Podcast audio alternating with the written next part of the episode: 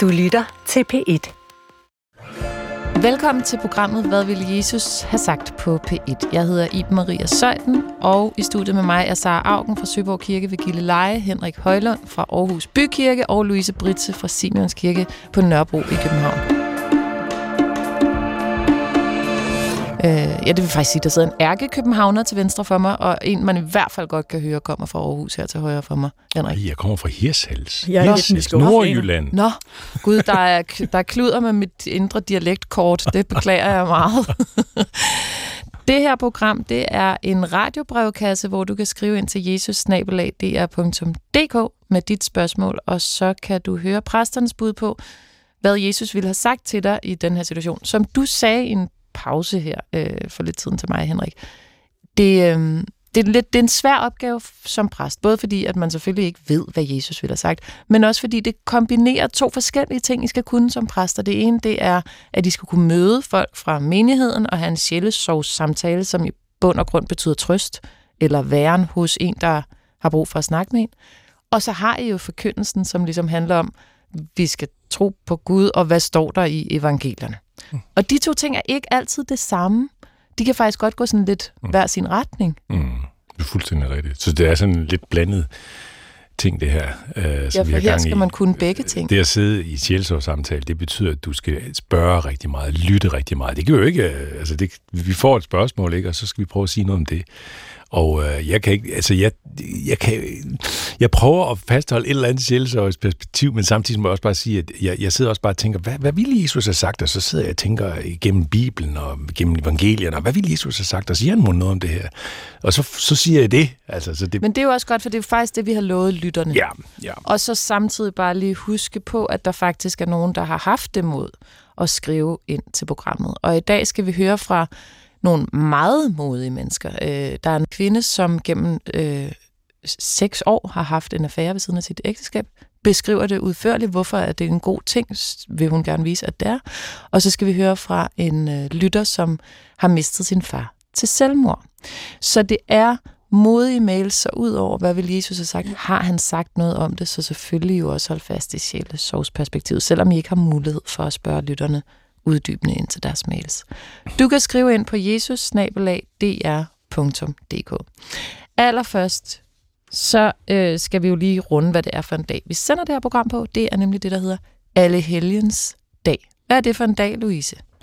Det er den dag, hvor vi mindes vores døde. Og man kan sige, ligesom vi ikke nøjes med at tænke på forelskelse og kærlighed valentinsdag, så tænker vi selvfølgelig heller ikke på dem, vi har mistet, eller nøjes med at sørge, når det er Alle Helgens Dag. Men det er en dag, hvor vi skaber et særligt rum for at for eksempel også at sige de dødes navne højt.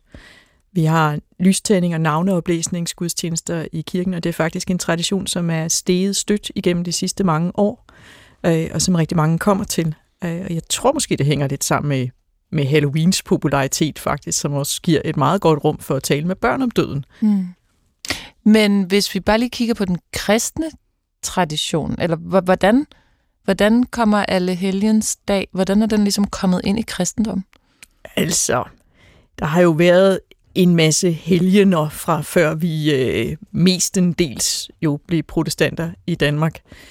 Og vi fejrer jo ikke helgener, vi holder ikke mennesker hellige, men man kan sige, vores kærligheden til vores døde, kærlighed har del i det hellige, så den, den holder vi hellig, den mm. kærlighed den her dag, ved at ære og mindes. Øhm, Øh, og det, det er en tradition, som vi har til fælles med den katolske kirke, som jo også mest kendt er måske den meksikanske tradition, hvor man, øh, hvad hedder det, Dia del Muertos, mm. eller sådan noget, hvor man øh, tænder, tænder lys og spiser sukkerkranier og har piknik på kirkegården og øh, formår måske at lave en lidt vildere fest ud af det, end, end vi lige kan se for os her. Men, men et eller andet sted, så er det jo også at gøre noget ud af kærligheden, at man tager dem, vi har mistet, tydeligt med ind i det liv, vi lever nu. Mm. Fordi de lever jo i os altid. De bor, bor jo altid i vores hjerter, dem vi har mistet. De forsvinder ikke, selvom de er døde. Og det er det, der kan være så svært at være på en arbejdsplads, hvor man har alle sine kære døde med sig i tankerne hele tiden, men man kan ikke lufte dem i samtalerne, for dem omkring en forstår det ikke altid, eller synes, det er mærkeligt, eller at tale om at bære det flot underforstået, at skjule det, eller øh, undertrykt. Mm. øh, vi har en, vi har en kultur her, hvor, hvor det ikke er nemt at bære sorg. Uh, Så i virkeligheden er alle helgens dag en mulighed for at tage lidt livtag med den her kultur, vi har, i hvert fald i Danmark, hvor at vi synes, at det kan nærmest være at bære det flot, hvis man ikke lader sig mærke med, at man savner nogen, der er døde, Henrik. Jeg tænker, jeg, jeg kan bare sige ja til det, Louise siger, så tilføje, at alle helgensdage jo var, som du også var lidt inde på det, også alle de her forskellige helgensdage, man havde, og så hen i, omkring i 1700-tallet en gang, så, laver, så samler man det hele, fordi nu skal det være lidt mere rationelt. Så laver man en stor alle helgensdag, som jo i virkeligheden var for alle helgenerne, og i og for sig ikke for, fordi dagen efter mandagen, der lavede man det, jeg kan ikke huske, om det hed alle, alle, alle sjælesdag. Alle sjælesdag, præcis. Alle sjælesdag, nemlig. Okay. Og hvor man så skulle gøre det, som du, Louise beskrev, ikke også, men som vi jo nu gør også på alle helgensdage, og som vi også gjorde det så rigtig meget. Så dengang var det opdelt, så var der de fine døde, og så var der alle de almindelige ja, de døde fine, nemlig helgene. Og det, det dyrker vi faktisk, det har jeg altid dyrket som præst, og også den side af det. Det vil sige, jeg har ikke lagt en hel masse helgener frem, men, jeg, men for eksempel der, hvor jeg er præst nu i Aarhus Bykirke, der har vi i de senere år har vi altid haft besøg af en, som kommer og prædiker og fortæller fra Open Doors, mm. som jo øh, for, hjælper alle de øh, forfulgte kristne i verden, eller forsøger at hjælpe dem mm. på forskellige vis. Jeg var selv med dem i Irak her i foråret en tur, for at møde de forfulgte kristne derude. Og det er totalt oplagt at få dem i spil øh, til alle helgens Hvorfor fordi, det? Fordi at de forfulgte kristne for mig at se på mange måder er vores forbilleder rigtig meget vores forbilleder. Dem, vi kan lære så meget af. Men hvorfor har det noget at gøre med alle helgens Det har jo noget at gøre... Jamen, det er jo fordi, at alle helgens dag oprindeligt var den dag, hvor vi hvor der blev lagt meget vægt på dem, der var, skulle være vores forbilleder. Mm. Det, som måske lidt med et misforståeligt ord hedder helgener. Mm. Og også for altså al den der helgendyrkelse, som man stadigvæk kan møde i den katolske kirke, er jo ret, synes jeg, er ikke så godt. Men, men, men, øh, men det at have forbilleder, have trosforbilleder, det giver fuldstændig mening, synes mm. jeg. Og så for dig er det mest din fødselsdag? Eller? Nej, nej, nej. Dog ikke. det men øh, der er det nok mere handler om alle sjælesdag. Det handler om alle mennesker, og det handler om, om, om, om alle. Også i vores kirke, der taler vi ikke om kristens forfølgelser eller øh, et eller andet. Jeg det, det kan de gøre i Aarhus Bykirke. Det er jo det er skønt, så fint. at de det er så fint. forskellige præster. Men, men det, er, altså, det er jo en utrolig vigtig dag øh, for os øh, i, i Søborg Kirke, og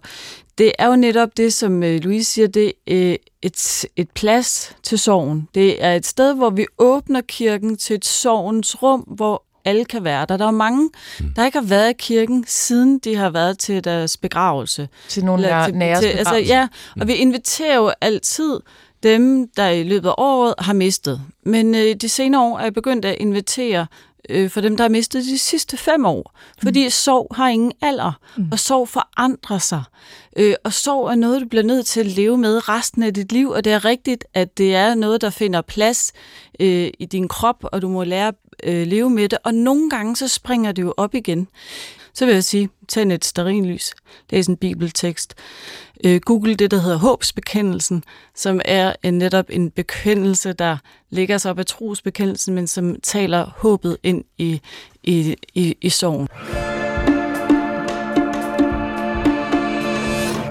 Du lytter til, hvad vil Jesus have sagt på P1, og vi kom lige omkring denne her Alle Helgensdag, som, som jeg hørte, Louise og Sara især handler om de øh, tabte, de døde sjæle, og også for dig, Henrik, både de døde, døde sjæle, men også de her øh, historiske forbilleder, der har været øh, med folk, der er gået foran i troen, gået, ligesom har forkyndt troen på en særlig måde og har taget nogle risici ved det. For eksempel i kraft af det, der er en, altså der er jo to prædiketekster mm. til den søndag, eller den, ja, den søndag ikke.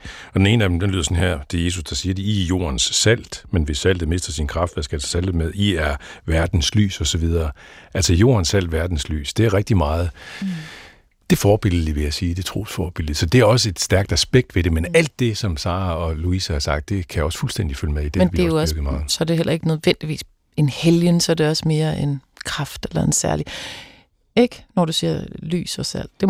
Jo, men det er jo en henvendelse til hans disciple. Okay. Hver jordens lys, hver jordens, ja. eller I er det, hver det. Øh, der er også en hel masse andre ting, jeg tænker, vi skal komme ind på, når vi nu taler sorg. Det når vi ikke i dag, men det handler om den her øh, nye forståelse, der er kommet ind i samfundet omkring sorg, nemlig at det ikke er noget, der skal bearbejdes nødvendigvis, øh, men noget, der i højere grad skal holdes ved lige, altså, eller at den døde skal have lov til at gå med en resten af livet. Og det er jo i hvert fald et billede, som giver meget god mening på en alle dag. Og det er ikke, fordi vi skal glemme dem, vi savner. Tværtimod, Men vi er dem. Mm. Og så kan man netop også 10 år efter gå i Præcis. kirke. Men det er være i. spændende, fordi det er der, hvor psykologien krydser teologien, har jeg tit Mm. tænkt over. Fordi at man psykologisk ved, at det giver større heling, hvis man kan gå med sin afdøde, end hvis man skal glemme dem. Ja. Og det passer jo meget godt med det, som kirken vil i dag. Altså, sorg er jo et af kærlighedens udtryk. Man kan, Bent Falk, den øh, store sjælesorgs præst og lærer, han siger, at sorg er kærlighed, der er blevet hjemløs. Mm. Det mærker man jo simpelthen helt konkret, når man Mm. mister. At kærligheden, den fylder lige så meget, Mm. og lige så stor er sorgen, som kærligheden har været. Men nu gør den ondt, og kan være svær at, at have med sig rundt. Glædelig alle helgens dag derude. Du lytter mm. Til, hvad vil Jesus have sagt. Og vi skal fra den ene død til den anden død. Han har sagt, vi har fået en øh, mail fra en lytter, som skriver dette. Kære Jesus, jeg mistede min far til selvmord som 11-årig. Han havde de typiske træk, som hos personer med dyssocial personlighedsforstyrrelse, parentes bemærket, psykopatiske træk, dog ikke noget, der blev drøftet inden hans død. På mange måder har det efterladt mig med en følelse af, at han var uønsket og meget svær at have med at gøre. Det blev sagt helt åbent flere gange i familien, at det nok er lettere for os alle, at han er død, end hvis han ville have været i live. Jeg har svært ved at formulere mit spørgsmål, men det er måske mere simpelt end som så. Hvad ville Jesus have sagt om selvmord? Og måske med den detalje, at min far og alle omkring ham led. Jeg er 26 år i dag, og har stadig svært ved at forstå og acceptere, hvad der er sket. Jeg sørger stadig, da jeg gang på gang oplever, hvor meget det påvirker mig, og alt i mit liv, som for eksempel, hvem jeg bliver forelsket i, mit selvværd og eget mentale helbred. Jeg håber, at det her spørgsmål giver mening, og jeg vil sætte så stor pris på at høre jeres tanker. Bedste hilsner fra en anonym. Det er en lytter, vi har på 26 år, som spørger, øh, hvordan vil Jesus have set på selvmord? Jeg tror også, der ligger nogle andre ting nede under det spørgsmål, men lad os prøve at gå i kast med det. Jeg vil lige sige, hvis du sidder derude og hører det her og har selvmordstanker, så kan du tage fat i en præst, skulle jeg sige for præsten her i studiet, eller du kan ringe til livslinjen på 70 201 201.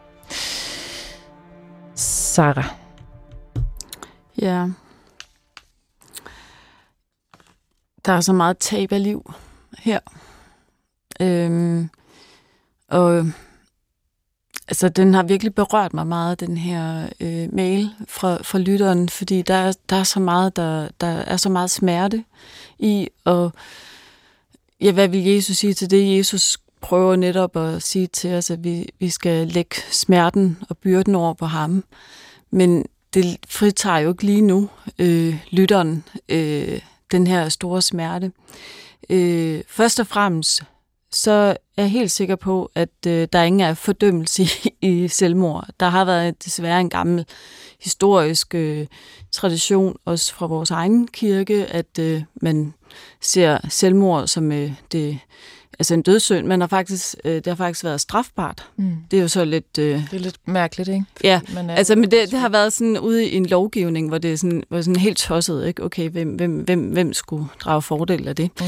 Øh, øh, men altså, og undskyld, at jeg, jeg griner lidt, men det er bare sådan, det, det er absurd i det. Mm. Og, øh, og så var det jo simpelthen en forestilling om, at, øh, at det, var, det var utilgiveligt, og øh, man begravede øh, de afdøde, der havde øh, begået selvmord, altså i ikke indvidet jord. Mm. Altså sådan meget, meget, synes jeg, en grotesk måde at fortolke Jesu kærlighedsbudskab på, som siger, at du er elsket uanset hvad. Og Jesus vil liv. Øh, og Jesus vil liv, og han, vil kunne, altså, han ønsker lægedom til alle. Øhm, og det her tab af liv, der er forårsaget både af farens liv, der er blevet mistet, og lytterens liv, der på mange måder er blevet ødelagt af det her, det er, altså, det har jeg så stor øh, omsorg for, og det, det er det, jeg også tror, Jesus har. Mm. Så det er sådan det korte, hvad vil Jesus sige til det? Der er jo så de her perspektiver i det, hvor, hvor der er noget, der gør ondt, fordi der, bliver jo, der er ligesom om, der opstår et narrativ omkring det her med, at faren er uønsket, som om, at det er bedre, at det liv ikke var der. Mm. Der opstår en fortælling i familien om, at det liv ikke har øh, værdi i sig selv. Og det vil Jesus altid protestere imod, at et liv, det har værdighed, at øh, der er ikke noget liv, der er uønsket. Øhm, og det er jo nok det, der er det, jeg tænker er utrolig smertefuldt at læse i, fordi det påvirker jo en. Og det her narrativ omkring, at det var nok bedre om, at han var død, og det var bedre for alle, det, altså den præmis, den, den, tænker, den er ikke evangelisk. Mm. Altså. Og det er jo også der, hvor man kan sige, at det, det kan være, at det er noget, der er blevet sagt til vores lytter, for at ligesom tage noget af den værste sorg ud, at der på en eller anden måde er bare noget meningsgivende i, men det kan også være, at det tillægger et sørgeligt perspektiv. Men, og, det, og det er jo det, som, som når jeg sidder og læser, det har jeg jo selvfølgelig også nysgerrighed og omsorg for de mennesker, som har sagt sådan. Var det at nogen, der ikke kan være i kontakt? Er det nogen, der er så slidt? Er det, er det mennesker, der har været, været sådan flosset i deres nervesystem, fordi at være pårørende mm. til en selvmordstroet eller til en psykisk syg, det er jo også tab af liv. Mm. Øh, altså, men, så, så det kan man jo selvfølgelig være nysgerrig på, men det har jo også andre konsekvenser for det menneske, der nu er blevet faderløst, mm. og som simpelthen står i den her situation og tænker, at det ikke var det værd. Og man kan sige, at det giver jo god mening, at man vil gøre alt for at trøste et barn, der har mistet sin far. Så man, så man vil sige øh, ting, der gør, at det kan i en eller anden sammenhæng give mening. Spørgsmålet er så bare, om der nedenunder det her spørgsmål fra vores lytter også ligger en sorg over at have fået at vide, at hendes fars liv ikke var værd. Øh, at det var der, kan man sige. Mm. Henrik? Jamen, det kan jeg fuldstændig følge. og det er jo også det, øh, vedkommende siger. Altså, når, når når hun siger sådan her, at det, at det har været svært for mig at acceptere det og forstå, hvad der er sket. Altså, det synes jeg er et meget klart udtryk for en, en, et ønske om, at Gid, det kunne have været anderledes. Gid, min far kunne være mødt på en anden måde. Gid, han kunne have fået hjælp. Altså. Og det vil jeg også sige, og det synes jeg også, Sara har sagt. Ikke? Altså, Gid, Gid, han kunne kan have fået hjælp. Det tror jeg i den grad også Jesus ville have sagt. Jeg, jeg, jeg tænker jo grundlæggende, hvis jeg også lige må tilføje det, at selvmord er ikke rigtigt. Øh, det, det, det, er, det er, jeg tror, Jesus ville have sagt, der er noget, der hedder det femte bud, du må ikke slå ihjel, du må ikke slå dig selv ihjel. Men det er rigtigt, at der er utrolig lidt om det i Bibelen. Der står der er nogle ganske få steder, hvor der er nogle ord om det, men Jesus selv for eksempel siger ikke på noget tidspunkt, man kan ikke finde et eneste sted, hvor han taler om selvmord, for eller imod. Mm. Og jeg tror, at selvmord... Og det er ikke bare, fordi det ikke fandtes dengang. Nej, det, det gjorde det uden tvivl, men jeg tror, at det også handler... Altså, selvmord er jo på mange måder en, en, en form for... Ligesom folk kan dø af kræft eller af andre sygdomme, så kan man også dø af den psykiske sygdom i form mm. af selvmord. Det, mm. det er sådan set en konsekvens af, af, en, af en psykisk sygdom. Mm. Øh, det så kan jeg, også være en ulykke. Altså, det kan være en ulykke i relation til en psykisk sygdom. Ja, så ja. jeg tror, mange, der ja. har oplevet selvmord tæt på, ja. oplever det som et, som et uheld. Ja, det tror jeg er rigtigt. En ulykke. Men, men alt i alt, så kan jeg bare godt, bare lige få at vende tilbage til det, ikke? så kan jeg bare rigtig godt forstå det, den her kvindes øh, stærke ønske om, at giv det dog kunne være noget andet. Giv, jeg kunne beholde min far. Giv, der kunne være hjælp til ham. Det kan jeg godt forstå. Mm. Det tror jeg også, Jesus ville i den grad have, have bakket op om det, om det ønske. Så det er det, du øh. læser tydeligst, det er et ønske om stadig, selvom det er mange år siden, kan man godt sige, mm. Øh, stadig ikke, at hun ikke har forlivet som, eller han, det ved jeg faktisk ikke, men at, Nå ja. at vedkommende ikke ja. har ligesom forlivet sig med, at det var sådan, det gik. Ja. Det... Er der noget at hente i Bibelen der? Altså i forhold til at acceptere det, som man ikke kan ændre på. Vi kender det jo fra sindsrobønden, tænker jeg. Der er rigtig meget at hente i Bibelen. Rigtig meget, tænker jeg. Jesus selv kunne finde på at sige sådan her, kom til mig, jeg ligesom er træt og tynget af byrder, og jeg vil give jer hvile. Hun er træt, eller hun eller han er træt og tynget af byrde, og det forstår jeg så godt kom til mig og få hvile. Det betyder ikke, så slipper du for alle byrderne. Nej, men jeg har, jeg har noget hvile at give dig. Det tror jeg kunne være et, et moment, men jeg tror, der kunne være ufattelig meget andet. Der kunne også for eksempel være det, som en af Jesu stærke stemmer, Paulus, apostlen Paulus, kunne sige i et af sine breve. Vi bliver ikke modløse, for selvom vores ydre menneske går til grunden for ny, står vores indre menneske dag for dag. Den, det synlige varer kun en tid, den, det usynlige varer evigt. Altså hele, hele det der evighedsperspektiv, håbsperspektivet, tror jeg også bare kunne være, være, være noget at bringe frem. Mm. Plus meget andet. Men det er interessant, du siger, at evighed er det samme som håb, fordi det er jo jeg har ikke tænkt det så konkret nogensinde, men, men det kan godt være, at tiden går, og noget liv er tabt, som hun begræder, som du mm. også medbegræder sig i det, du siger. Men at der alligevel er en proces inde i, i hendes menneske, som kan pege en anden retning, selvom der nu er gået de her år, uden der nødvendigvis er sket den helt store forenelse med det faktum, at hendes far tog øh, sig af dage, Sara? Ja, det der også er kompliceret i det her, det er jo, at så fra barnets perspektiv, så, så har man jo en anden forståelse af, hvad det er, der man bliver udsat for.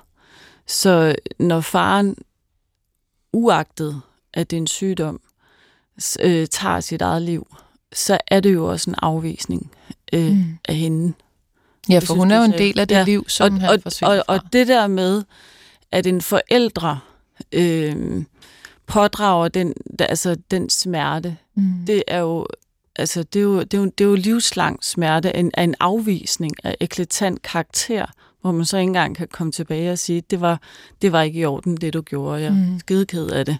Og det er det heller ikke, altså, fordi det også er en sygdom, så hun skal egentlig hive ressourcer frem til os at rumme det, mm. samtidig med, at hun skal rumme, øh, at en forældre simpelthen har øh, altså gjort hende faderløs. Men det er her, det bliver komplekst, fordi du siger også det femte bud. Man må ikke tage liv, Henrik, og du siger, det er, der er noget galt med i forhold til hende, at det bliver en afvisning af Jamen det, det, Og så det, samtidig det, så siger jeg, at Jesus vil rumme det. Vi skal rumme det. Det siger du i hvert fald, Sarah. Det siger ikke? jeg i hvert fald. Altså, det ved jeg, jeg også, at livslinjen i øvrigt vil sige, hvis man spørger dem, og ligesom sige, vi må ikke fordømme folk, der, der, der kommer, der Jamen, altså, kommer hvad, herud. hvad, hvad, og det har jeg sådan lidt, altså ja, øh, vi taler om, at det, det, det er Gud, der skal dømme, altså, og jeg ser ikke, altså jeg, jeg har da et håb om, altså jeg tænker på Guds generøsitet i den her forbindelse. Øh, altså, når, altså hele pointen af det, jeg er kristen på, det er jo netop et øh, håb på, at netop lidelsen øh, altså bliver opløst på et tidspunkt. Kristus kommer med den her øh, øh, og bringer os et håb om, både i, i, i, i det her liv før døden, om at vi har fået lov til at tage del i ham, men også en generøsitet, der viser, at der er noget andet på spil efter døden. Hvad det er, det, Mm. det, det har jeg ikke, men det er jo det, jeg må insistere på. Ellers så bliver den der opstandelsestro, den, den, øh, så bliver den tom for mig. Mm. Øh, og så den der generøsitet gælder selvfølgelig faren. Så hvis, hvis, hvis det her, hvis synden kom ind i verden, ja, så er Jesus kommet for at tage den væk igen. Mm. Og det gælder alt. Det giver mening, synes jeg umiddelbart. Louise, det kan godt være, inden du lige svarer, at vi lige skal sådan rekapitulere, hvad spørg- hvad, fordi det er jo nemlig det, der er svært også ved den her mail. Der, der er ikke noget spørgsmål decideret, og jeg skrev også til vores lyttere efterfølgende, kan du, kan du øhm, indkredse spørgsmålet, og vedkommende skrev, faktisk ikke. Nej. Det er jo, det er jo lige præcis det, at, at man er... Nu taler jeg ikke specifikt om hende, men at man som barn er en, der er død på den her måde, er efterladt i et kaos. Mm. Så det er jo ikke sådan at indkredse et spørgsmål. Jeg har arbejdet i mit præsteliv ret meget sammen med pårørende øh, til, til mennesker, der er døde af selvmord. Og ved også, hvor forskelligt det rammer, alt efter hvilken position man har i forhold til den døde. Og når man er barn af en, der er død på den her måde, så vil man netop ofte føle sig forladt øhm, og stå med de her blafrende, åbne spørgsmål, som bare ikke bliver besvaret, eller ikke bliver besvaret på en måde, der trøster ret meget. Øhm, hvis man har mistet et barn til selvmord, så vil man typisk, det er for simpelt sagt det her, ikke? men der vil man typisk føle en stor skyld over, at man ikke har kunnet elske nok. Mm. Og hvis man er ven, ægtefælle, kæreste eller søsken til, så rammer det på, på et og andre forskellige måder. Men det, der er lige for de her mennesker, der, der har elsket en, der er død ved selvmord, det er jo, at de er i en anden position end alle andre mennesker i sorg, fordi det er, der er sket noget meget voldsomt også. Der er sket et drab, Mm. og den, man har elsket, er både offer og morder, og det er simpelthen så komplekst. Mm. Så der bliver både, vi berører både noget med, med tilgivelse, øh, med, med forladthed, og, og så det med muligheden for, for accept. Og når det er så presserende, så er det jo fordi, det er så svært at leve med. At det larmer, og som, og som, øh, som lytteren også siger, det, det forstyrrer i alle øh, relationsdannelsesmuligheder også fremadrettet, når hun selv nævner, at det, det også er med ind i billedet i hendes øh, mulighed for at danne relationer, forelskelse osv. fremover. Mm. Øhm, jeg tænker, når et menneske dør på den her måde, som, som både Henrik og Sara har været inde på før, så, så er det jo bestemt ikke, fordi man vil såre dem, man er tæt på. Som jeg hørte fra, fra pårørende, så i det omfang, de har vidst af det, for eksempel hvis der er et brev, så er den, der, der begår selvmord, faktisk ofte et sted, hvor man er kommet ud i et mørke, som man faktisk tror, man er, at det, man er værre end ingenting. Mm. Og det er jo også frygteligt, at man kan blive så alene i levende liv. At man tror, at øh, det vil være nemmere for ens ægtefælle og børn, at man ikke er der. Mm. Um, så på baggrund af det, og selvfølgelig også alt, hvad vi ellers ved, så, så forstår jeg egentlig selvmord som en af for eksempel depressionens allerfarligste Mm. følgevirkninger. Mm. Og det er jo også en måde at se det som den, det allerfarligste sygdomssymptom på. Når vi siger, at skizofreni har en lige så høj dødelighed som kræft, så er det jo fordi, det giver så stor en selvmordsrisiko. Mm. Øh, hvilket jeg lige kort vil sige, at det måske kunne minde om at være lidt mere respektfuld og omsorgsfuld over for mennesker med psykisk sygdom og lidelse. Altså, og, og øh, depression. Øh, fordi øh, det er rigtig, rigtig farligt. Men vi kan blive her i livet sammen, hvis vi øh, er en lille smule mere opmærksom og kalder hinanden ind i livet.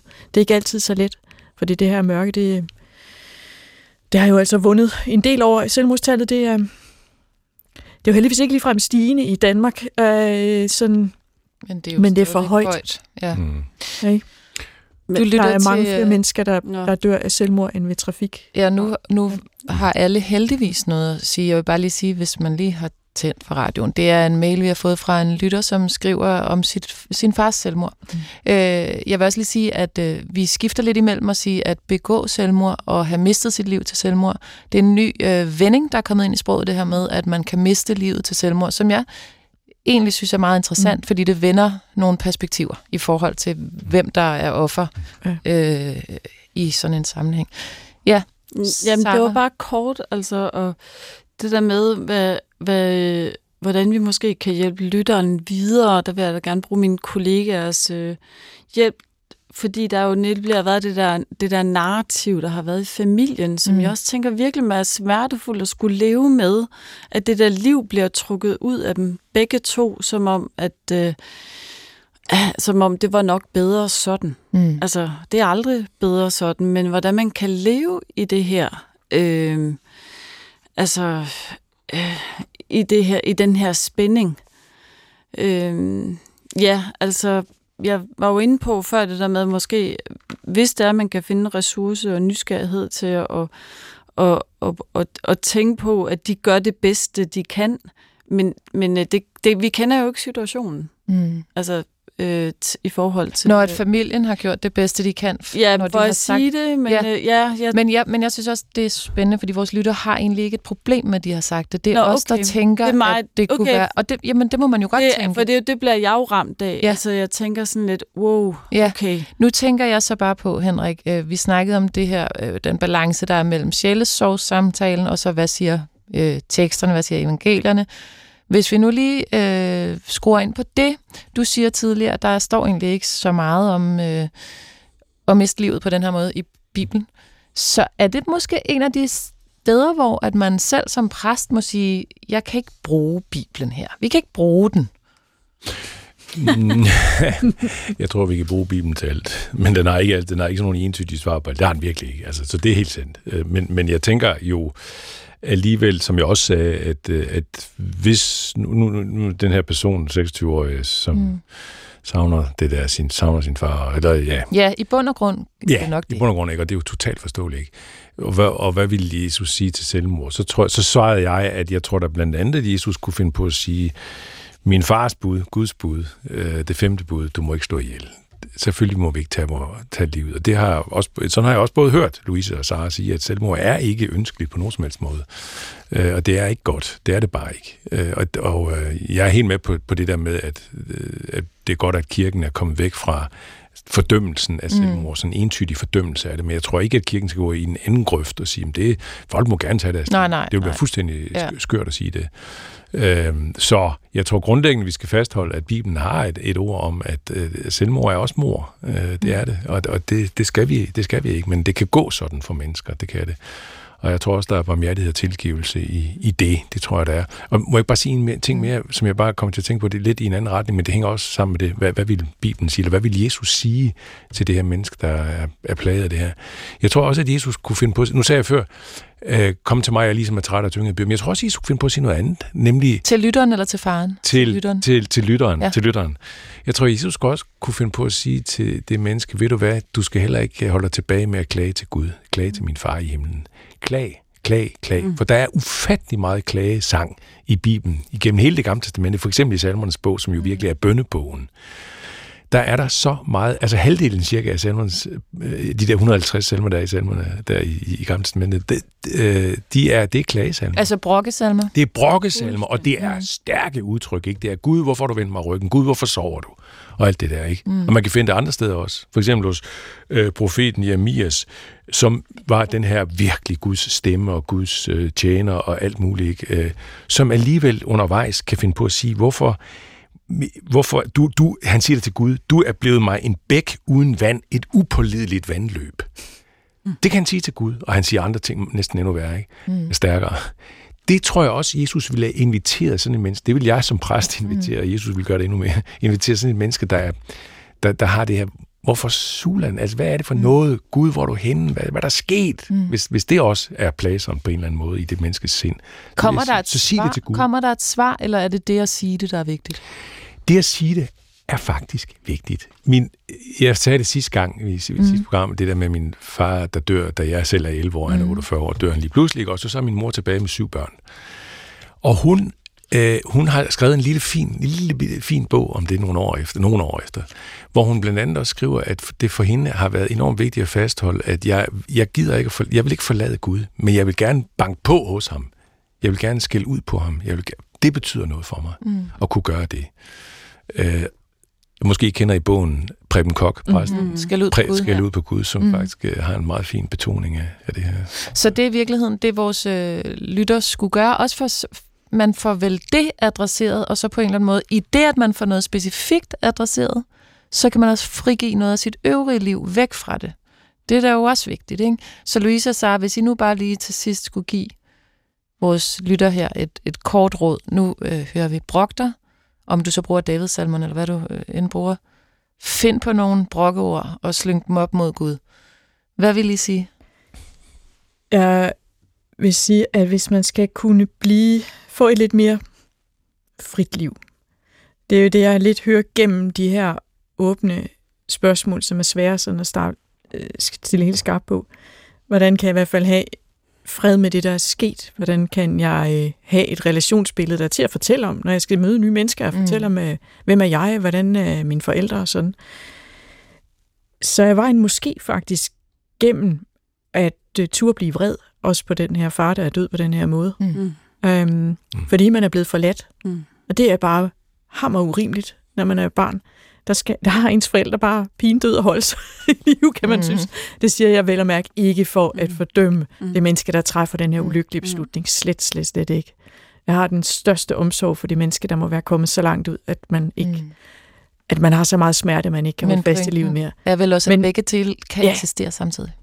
Ja, men for barnets vedkommende, Mm. mm. der kan man ikke, der vil jeg ikke sige, altså, altså hun er voksen menneske, at man skal stå med den her forståelse hele tiden, for der er det egentlig helt på sin plads. Man kan sige, jeg er fucking blevet forladt. Mm. Mm. Det er så urimeligt. Mm. Mm. Er, er jeg måske ikke værd at leve for? Mm. Og måske derigennem kunne komme ud på den anden side og sige, jamen hvorfor skete det? Han kunne ikke andet. Mm. Han formåede ikke andet. Han havde det så skidt, han havde det så svært, og han havde ikke hjælp eller kræfter nogen steder fra. Men er i langt større selvmordsrisiko end kvinder i øvrigt. Mm. Fem gange så mange, ej, ikke helt fem, men tre, fire Mm. gange så mange mænd end kvinder begår selvmord.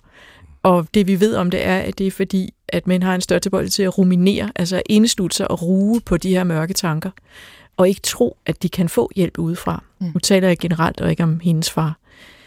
Men derfra, altså derigennem sådan noget kedelig faktuel viden, kan man måske komme til at sige, at han kunne ikke mm. andet, og så komme til for ens egen skyld en øh, radikal accept af det, der er sket, Så et for selv at blive fri. temaord Og accepten vil give friheden Ja. til at kunne leve, og hun Men... skal leve og elske.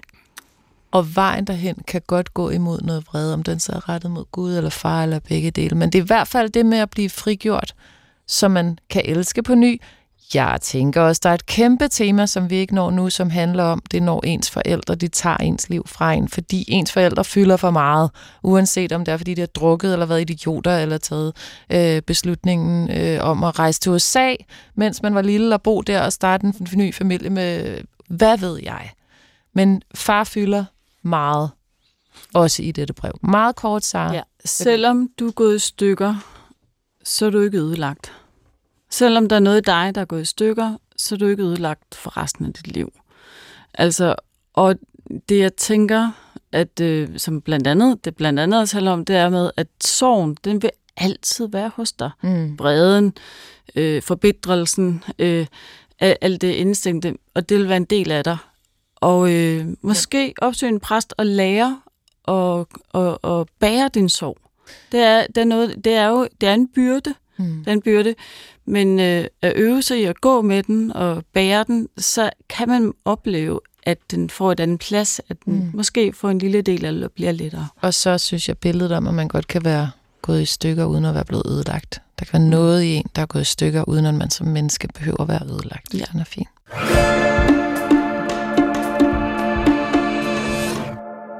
Sara Augen fra Søborg Kirke, Henrik Højlund fra Aarhus Bykirke og Louise Britte fra Simeons Kirke.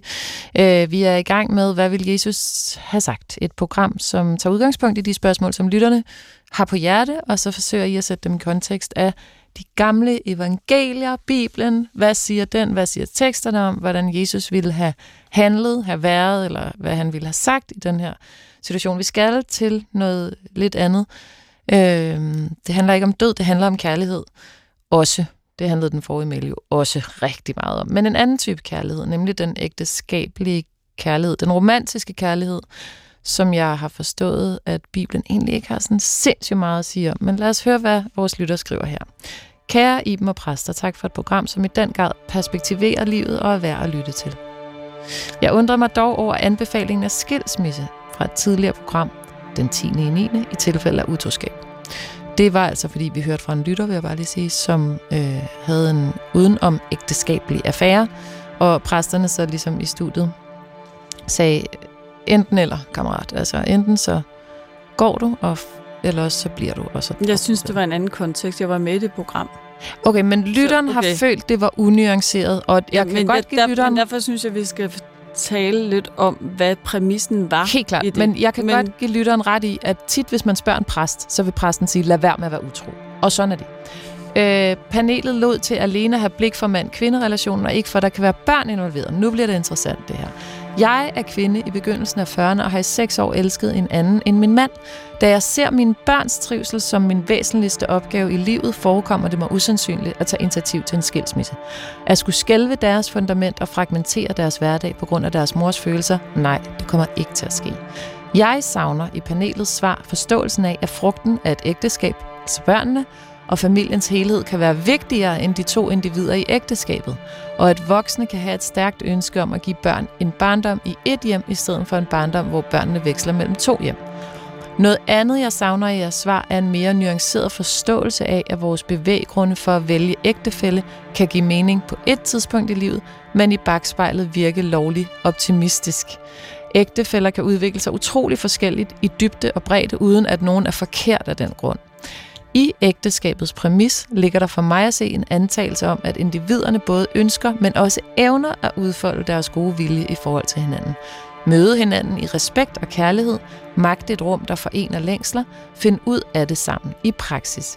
I mit ægteskab, som har varet 22 år, må jeg konstatere, at vi kan meget sammen, men at vi ikke evner at mødes et sted, der er dybt for os begge og gensidigt kærligt. Hårknuderne har ligget lige for i mange år, og det har udmattet mig længe. Men da jeg først indså dette, havde vi fået vores tre børn, og familiens liv var i fuld gang. Jeg mødte den mand, jeg har elsket i seks år gennem fælles venner. Fra første færd gik samtalen og samfølelsen. Vi begge voksede op i troende familier og menigheder. Ingen af os kommer fast i en menighed i dag, men formningen har givet en fælles frekvens og en eksistentiel spændvidde. Der er referencer, vi har, dybder, vi deler, blikke, vi betragter med som bidrag til meningsfylde. Det fysiske imellem os har udviklet sig langsomt, og det har været en rejse, jeg ikke troede var mulig med et andet menneske. Gode viljer, stærke ønsker om at tjene den anden. Og lyst, der for mig før var noget mere instrumentelt, men nu forenes med ånd og kærlighed. Jeg anede ikke, at elskov kunne være så meningsfuld, vidunderlig og samtykkende, også selvom den ikke er helt efter bogen. Jeg har valgt at takke jublende for, at livet kan rumme så vidunderlige overraskelser og relationelle gaver. Min børns trivsel og vores families enhed er dog vigtigere for mig, end at foreslå skilsmisse. Hvad vil Jesus mene om det at sætte sin børns base og trivsel først? Og taler Jesus noget sted for at lukke ned for menneskemøder, der lukker en op? KH, en lytter.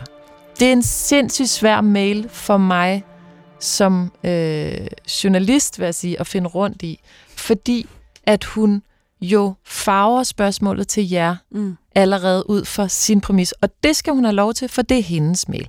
Det, hun mener helt kort, er, at når præster siger, du må ikke have en anden, det er den, du er sammen med, som du skal ære, øh, elske, og det har vi aftalt i kirken. Sådan er det. Så savner hun en nuance for den kærlighed, som hun faktisk oplever som Guds gave. Den der endnu større åndelige kærlighed, som hun helt klart ser i et guddommeligt lys. Altså, hvordan skulle Gud dog kunne være imod det? Er Gud imod det her, Henrik? Er Gud imod en kærlighed, der er så stor, som hun beskriver, at den her er? Mm. Ja, det tror jeg. Okay. Sagt meget, meget kort. Øh, jeg tror, når hun nu spørger om, hvad Jesus ville have sagt til det, så tror jeg sådan set, at man kan svare meget, meget enkelt lige til og direkte på det, fordi Jesus jo i det, der hedder bjergprædiken, siger for eksempel følgende, I har hørt, at der er sagt, du må ikke bryde et ægteskab, men jeg siger jer, enhver som kaster et lysten blik på en andens hustru eller mand, har allerede begået ægteskabsbrud med hende i sit hjerte. Og så siger han, så tilføjer han, hvis dit højre øje bringer dig til fald, så riv det ud og kast det fra dig, hvilket ikke skal forstås bogstaveligt og billedligt. Hvilket betyder, at når vi, som er gift, oplever, at vi øh, indfanges af en anden, og det er da fuldstændig utænkeligt, at, vi ikke, at det ikke sker for os, øh, så, så skal vi være villige til at kotte det simpelthen. Og sige, jeg er hos, ja, det, det er ham her, eller det er hende her, jeg har sagt ja til, øh, at blive sammen med lige til døden skiller os ad, og som jeg vil give alt for, al min kærlighed. Og det vil jeg holde mig til. Og det er også bedst for børnene. Det er jeg ikke et sekund i tvivl om. Det, det bringer hun ind. Så, og jeg det er tror, hun jo sådan set enig med dig i, at det er bedst for børnene. Ja. Men hendes men mellemregning er anderledes. Ja, og jeg tror, at hendes mellemregninger ikke er gode for børnene. Nu, nu snakker jeg, ved du hvad, det er lidt svært det her, for nu svarer jeg på sådan en meget direkte og lidt sådan bestandt og, og, og kritisk måde. Så hvis jeg mødte hende, mm. og hun kom med det her til mig, så vil jeg spørge meget ind til det og lytte meget til det, hun mm. siger. Øh, og så vil jeg forsigtigt nå frem til at sige, at nu siger det meget kort og direkte. Ikke? Jo, så det øh, må hun du... lige tilgive dig for. Men hun siger det her med, min børns trivsel og vores familieenhed en, for vores families enhed er dog vigtigere for mig, end at foreslå skilsmisse. Men det interesserer mig, at hun ikke siger, at det er vigtigere for mig, end ikke at have affæren. Mm. Men må jeg ikke bare have lov til at sige, at jeg, jeg, jeg, jeg vil virkelig prøve at spørge ind til hende så, om hun virkelig tror, at det er godt for hendes børn, om ikke hendes børn vil kunne mærke, jeg ved ikke, hvad hun har fortalt dem vel, det kan være, det er lidt hemmeligt, hvad ved jeg, men om, om det ikke er hendes, hemmeligt. Men ja, men om netop ikke, om, om, om hendes børn ikke på et eller andet tidspunkt i den grad vil fornemme, at hun har noget i spil med en anden end, min, end vores far. Mm. Og hvad vil det gøre ved børnene? Er det godt for børnene? Det tror jeg ikke et sekund på, det er. Mm. Øh, så jeg, jeg, jeg, jeg tror, det her det er en alt for konfliktfyldt øh, mm. situation, og, og alt for kompleks til, at jeg på nogen som helst måde kan se for mig, at det er godt for, mm. for børnene, at hun bare bliver sammen med sin mand og deres far. Og så refererer du så til den her bjergprædiken, hvor at, øh, i virkeligheden, at hun altså i overført betydning skal tage sit højre øje og sige, jeg ser dig, men jeg vil ikke se dig mere, så nu river jeg mit øje ud og fortsætter mit ægteskab, som om intet var hent. Det er også helt vildt nemt at sige, når man så ikke har været i den der øh, kæmpe store kærlighed, som hun så har, jeg ved ikke, om man kan sige, lukket sig ind af. Så, men altså, der er i hvert fald et eller andet, som, hvor jeg tænker, at der er en ting, man siger, og så er der livet, der sker, ikke? Mm som Jamen, er noget helt andet. Men, men det er ikke helt vildt nemt at sige. Det er ikke helt vildt nemt. Det er det ikke. Altså, jeg, som jeg, jeg vil gerne gentage mig selv. Da, da jeg blev gift med hende, jeg var fuldstændig forelsket i, så var jeg fuldstændig klar over, at jeg lynende let kunne blive forelsket alligevel i andre. Og det er også sket. Men det betyder bare, at så har jeg, så har jeg måttet øh, helt øh, fast og konsekvent øh, kaste øjet ud. Ja, så du sidder ikke og siger det som en, der ikke kender til livet? Nej. Nej. Sara? Jeg tænker, at hun har lige pludselig med det her menneske oplevet en form for en enhed, mm. som jo hun ikke har oplevet i sit ægteskab. Ikke? Det er helt klart, at hun bliver jo lige pludselig opfyldt af noget, hun har længtes efter. altså, der er ingen tvivl om, at den måde, hun beskriver det her på, hun bliver, føler sig set og elsket, og, og altså, altså, der er sådan en form for harmoni i det. Mm. Problemet er jo bare, at det ikke harmonerer med øh, det andet liv. Øh, og øh, jeg tænker virkelig på den der splittelse, hun må være i, hvor der hele tiden er den der polarisering, som det hedder, når der er to dele i en, der kæmper for at få opmærksomhed. Der har vi faktisk et ord for. Det hedder djævel. Øh, diabolos betyder faktisk det, der splitter. Øh, og på en eller anden måde, så er det jo øh, det, hun er, er, er i færd med. Og øh, en ting er, hvad det er, at, at de der hemmeligheder gør ved os. Altså, Mm. det, hvad løgnen, løgnen gør. Øh, der er ikke en, det lyder ikke som om, der er sådan en aftale mellem hendes mand, at, øh, har jeg spurgt at, om, om, er, det, er det åbent? Er det okay? Er der et sted? Fordi at, det kender jeg andre ægteskaber, hvor at der er en tilladelse eller et eller andet, Mm. hvor at der er en mulighed for det. Så den der, den der løgn, der kan, der kan æde en op, den, øh, den har jo så mange konsekvenser, også for hendes børn. Ikke? Altså, hvordan kan man, er det bedst for hendes børn, at jeg, øh, at, jeg, at jeg lever i løgnen, at det er det, jeg vil vise dem, et ægteskab er. Men den her splittelse, det tænker jeg virkelig ikke, at det Jesus ønsker Mm. for os. Jeg tænker, at Øh, og jeg har tænkt på, på et sted, hvor han taler om, øh, et sted i Johannes evangeliet, hvor, han, hvor, hvor Jesus taler om i noget, der faktisk ofte bliver kaldt det, der hedder det ypperste præstens bøn, hvor, øh, hvor det også er bliver tolket som en enhedstanke om, at, øh, at mange skal forenes til at blive et, ligesom øh, han selv er et med faderen, og, og, og han sender os helgen. Mm. Den her enhedstanke. Og jeg tænker helt klart, at det er et ønske, når Jesus taler om det, et ønske om, at vi også i vores indre liv må øh, være forenet. Mm. Øh, at vi ikke skal leve i den her splittelse. Og øh, det lyder sådan her. Øh, den herlighed, du har givet mig, har jeg givet dem, for at de skal være et, ligesom vi er et. Jeg i dem, og du i mig, for at de fuldt ud skal blive et. Mm. Det kan man også tolke ind i et, øh, et indre liv. Det er ikke nødvendigvis kun, at vi alle sammen skal være gode venner. Det er også øh, i forhold til de dele af os, der bærer på den her splittelse. Og jeg kan ikke, altså jeg kan jo godt se, at hun føler den her samhørighed og enhed, men, men hun lever jo med en dobbelthed i sig. Mm. Og den tror jeg simpelthen ikke, øh, altså at, at hvis du spørger, hvad vil Jesus have sagt til det? Ja, du blev åbnet, men du er jo ikke, du er jo ikke lukket helt op. Du er jo, du er jo ikke øh, vokset sammen af det her. Louise, nu bliver der sagt det her, øh, både fra Henrik og Sara, at faktisk så øh, kan det stadigvæk ikke sådan siges at være en god idé. Selvom at lytteren nu har skrevet, kan det ikke nogen gange være en god idé. Ja, men jeg tænker også, at hun stiller faktisk ikke selv spørgsmålstegn ved, om, om hendes øh, nye kærlighed er forkert, for den føles rigtig for hende, og det udgangspunkt hvor vi jo forholde os til.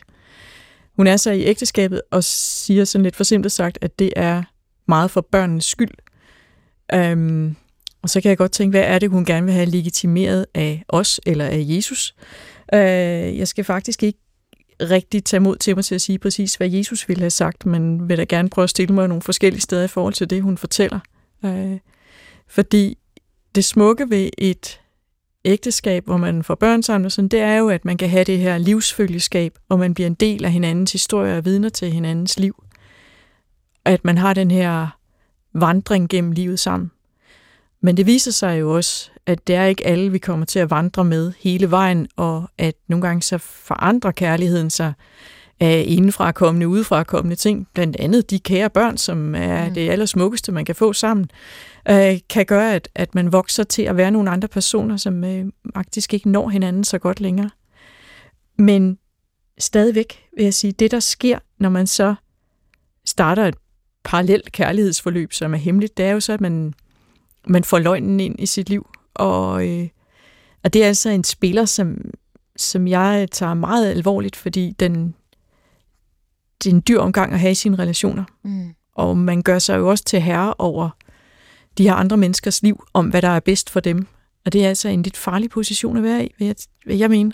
Så At- det, det, I siger, det er, det er løgnen, der ligesom er, Mm, der, det, der er det, det, er noget, det synes jeg er det problematiske, mm. at, at hun stiller sig et sted, hvor hun er nødt til at, at afgøre, hvad der er bedst for øh, ægtefælden og børnene. Mm. Så du mener virkelig, at hun hæver sig op Ja. over sin relation ved Ja. at tage den Selvom det ikke er ondt- den andens vej? Selvom det ikke er ondt ment, så vil jeg sige, at man jo faktisk kommer til at spille et andet menneskes øh, mulighed for et, frit, et fuldt udfoldet kærlighedsliv, ved at, at han, han lever hen og ikke har hendes kærlighed. Mm. Øh, han kæmper måske for den, ægtefælden, men, øh, men bliver ikke mødt, fordi hun jo kaster sin kærlighed et andet sted hen. Det kan også være, at han har været Øhm, en idiot. Ja, det kan være, at han været en kæmpe klarpat, men det, Mm. det er ikke sikkert, at han vil være det, hvis han fik en ny partner. Mm. Eller hvis de øh, Og kunne du se mener, hinanden, At, at eller hvis de kunne se faktisk- hinanden i øjnene. Og, og, øh, øh, Hun tager et og- valg for ham, det er det, du siger. ja, det gør hun. Og så ændrer hun position, Men- så er de ikke ligeværdige i den relation, fordi Altså- hun ændrer position, fordi hun træffer valg på hans vegne. Vi, vi, har, vi har lagt ordet synd på hylden, og det er også noget, man nemt kan komme til bare at bruge og slå hinanden i hovedet med. Men ikke desto mindre, så er det jo noget af det, vi kæmper allermest med, som hele tiden kommer ind i de her programmer også. Vores Mm. mm. erfaringer af, at vi nogle gange gør noget andet, end det vi godt ved er det gode. Det hører simpelthen til at være menneske, at vi, vi kæmper med det her med, at jeg ved måske godt, den her den er ikke fin, og jeg slider både på mig selv og andre. Men hvad, hvad gør jeg for at være i det? Og det er ikke alle overgange i livet, som kan være lige elegante. Hvis man vil bygge sit liv om i en voksen alder, det, det, det er ikke kønt. Der, der Mm. kommer til at flyde noget blod i overflydt betydning. Mm. Og, og øhm, seks år, det er fis med længe øh, at leve på den her måde, uden at træffe en beslutning. Det er lidt at blæse Har og have, truffet en beslutning. ja, om at blive på den her måde, men det er jo at blæse og have mel i munden, og det, det er altså også en dyr omgang. Øh, Det har det jo så bare ikke helt været. Det er jo det der. Ja, med- men ja, jeg har lige lyst til at sige, ja, vi har at- meget kort tid tilbage. Okay. Øh, Paul Tillich, den tyske teolog, han, han taler om synd som fremmedgørelse, hvis vi skulle øh, snakke om det på en måde, som øh, egentlig er lidt fri, frigjort fra det religiøse. At i det, vi for eksempel laver, har et dobbeltliv, lever noget skjult, har den her utroskab, så fremmedgør vi os jo fra den, vi er sammen med, men vi bliver også fremmede for os selv og for Gud. Og dermed er det, man ellers skulle kalde synden øh, og straffen det samme. Fordi vi bliver fremmede øh, for hinanden og for os selv. Og det skal vi være klar over, at det er prisen. Mm. Øh, Der er også Så I kobler i virkeligheden løgn, splittelse og fremmedgørelse. Og det er det modsatte af forbundethed, som hun ellers siger, hun har fundet med den her partner. Det kan godt være, men det er en isoleret forbundethed. Der er også en anden ting, jeg tænker på. Vi begyndte programmet med at tale om et menneske, der har mistet en forælder. Mm. Øhm, og det kan vi ikke sammenligne her, men der er jo et andet i overført betydning, hvor der er en øh, potentiel risiko for os med det tillidsbrud at miste sine børn. Altså, øh, i, øh, altså i vrede og øh, altså, Nå, hvis de er bliver sure. Hvis det bliver opdaget. Mm. Øh, det kan være meget svært at, at tilgive et, øh, et, et så overlangt øh, dobbeltliv. Mm. Altså, er det, er man villig, t- er det, er det, er det, pri, er det virkelig prisiko for os med det tillidsbrud at miste sine børn? Altså, øh, i, øh, altså i vrede og øh, altså, Nå, hvis de er bliver sure. Hvis det bliver opdaget, mm. øh, det kan være meget svært at, at tilgive et, øh, et, et så overlangt øh, dobbeltliv. Mm. Altså, er, det, er man villig, t- er det, er det, er det, pri, er det virkelig prisen værd? Mm. Eller at, det har hun jo nok gjort så... Altså, hun, hun tager jo et valg på sine børns vegne, at det er sådan, Og på ægtefældens vegne. Ja. Men det, så hvis vi bare meget kort her til sidst at sige, Jesus, der er ikke noget, hvis vi leder med lys og lygte, hvor Jesus ville på en eller anden måde kunne billige det her. Hvis man fortolker det, som hun gør, den her relation. den, Det som har med- elsket meget, skal tilgives meget, siger han heldigvis. Ja. Men ja, problemet er, at jeg tror faktisk, det er en mangel på kærlighed. Forstå mig rigtigt. Altså, Mm. følelser er jo ikke bare... Altså, der, kærlighed er meget mere end... end hun har, der er ingen tvivl om, hun har stærke følelser i forhold Mm. til den her mand her. Det, det, det beskriver hun så ægte og stærkt. Men altså, kærlighed er meget, meget mere end forelskelse og stærke følelser og alt det her lyst, det bringer op. Det er, kærlighed er meget mere end det. Kærligheden er også viljen til at blive hos den, man er bundet sammen med, og, og, og give, give noget fra sig. Det er altså også kærlighed. Altså, I øvrigt så vil jeg bare sige, på Jesu vegne, Mm. ammen, ammen, ammen, til det, som Sara Ja, men jeg vil, men jeg vil også bare Nå, det er sige, at, at der, er også, ja, der er også en anden... Jeg vil også bare lige give det sidste ord. Jeg, der, er, en- der er i- noget i mig, der egentlig godt kan forstå det også. Mm. Altså, det er jo ikke, fordi det er uforståeligt.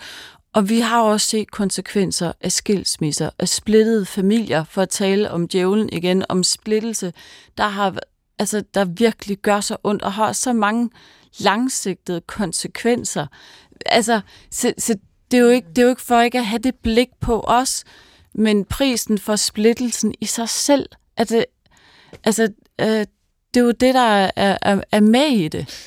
Henrik Højlund, Sara Augen og Louise Britta, tak fordi, at vi overhovedet ikke fik svaret på det her spørgsmål med andet end, at det kan Jesus faktisk ikke billige. Men så skal det så siges, at jeg sidder jo tit og skriver med folk, der skriver ind, mm. så jeg skal nok skrive til hende, at jeg også, altså jeg kan egentlig godt også lidt forstå, hvad hun siger. Hun er virkelig, virkelig, virkelig meget forelsket i den her person. Så tager jeg den, så har I som præster løst jeres opgave, og så vil jeg bare sige, allerede nu, der begynder det her med splittet familie at spille en kæmpe stor rolle, kan jeg mm. mærke, i vores samtale. Og det ved jeg ikke, om jeg er ubevidst, fordi at vi går hen imod juletid. Louise, du skrev noget på Instagram forleden dag. Hvad var det, du skrev?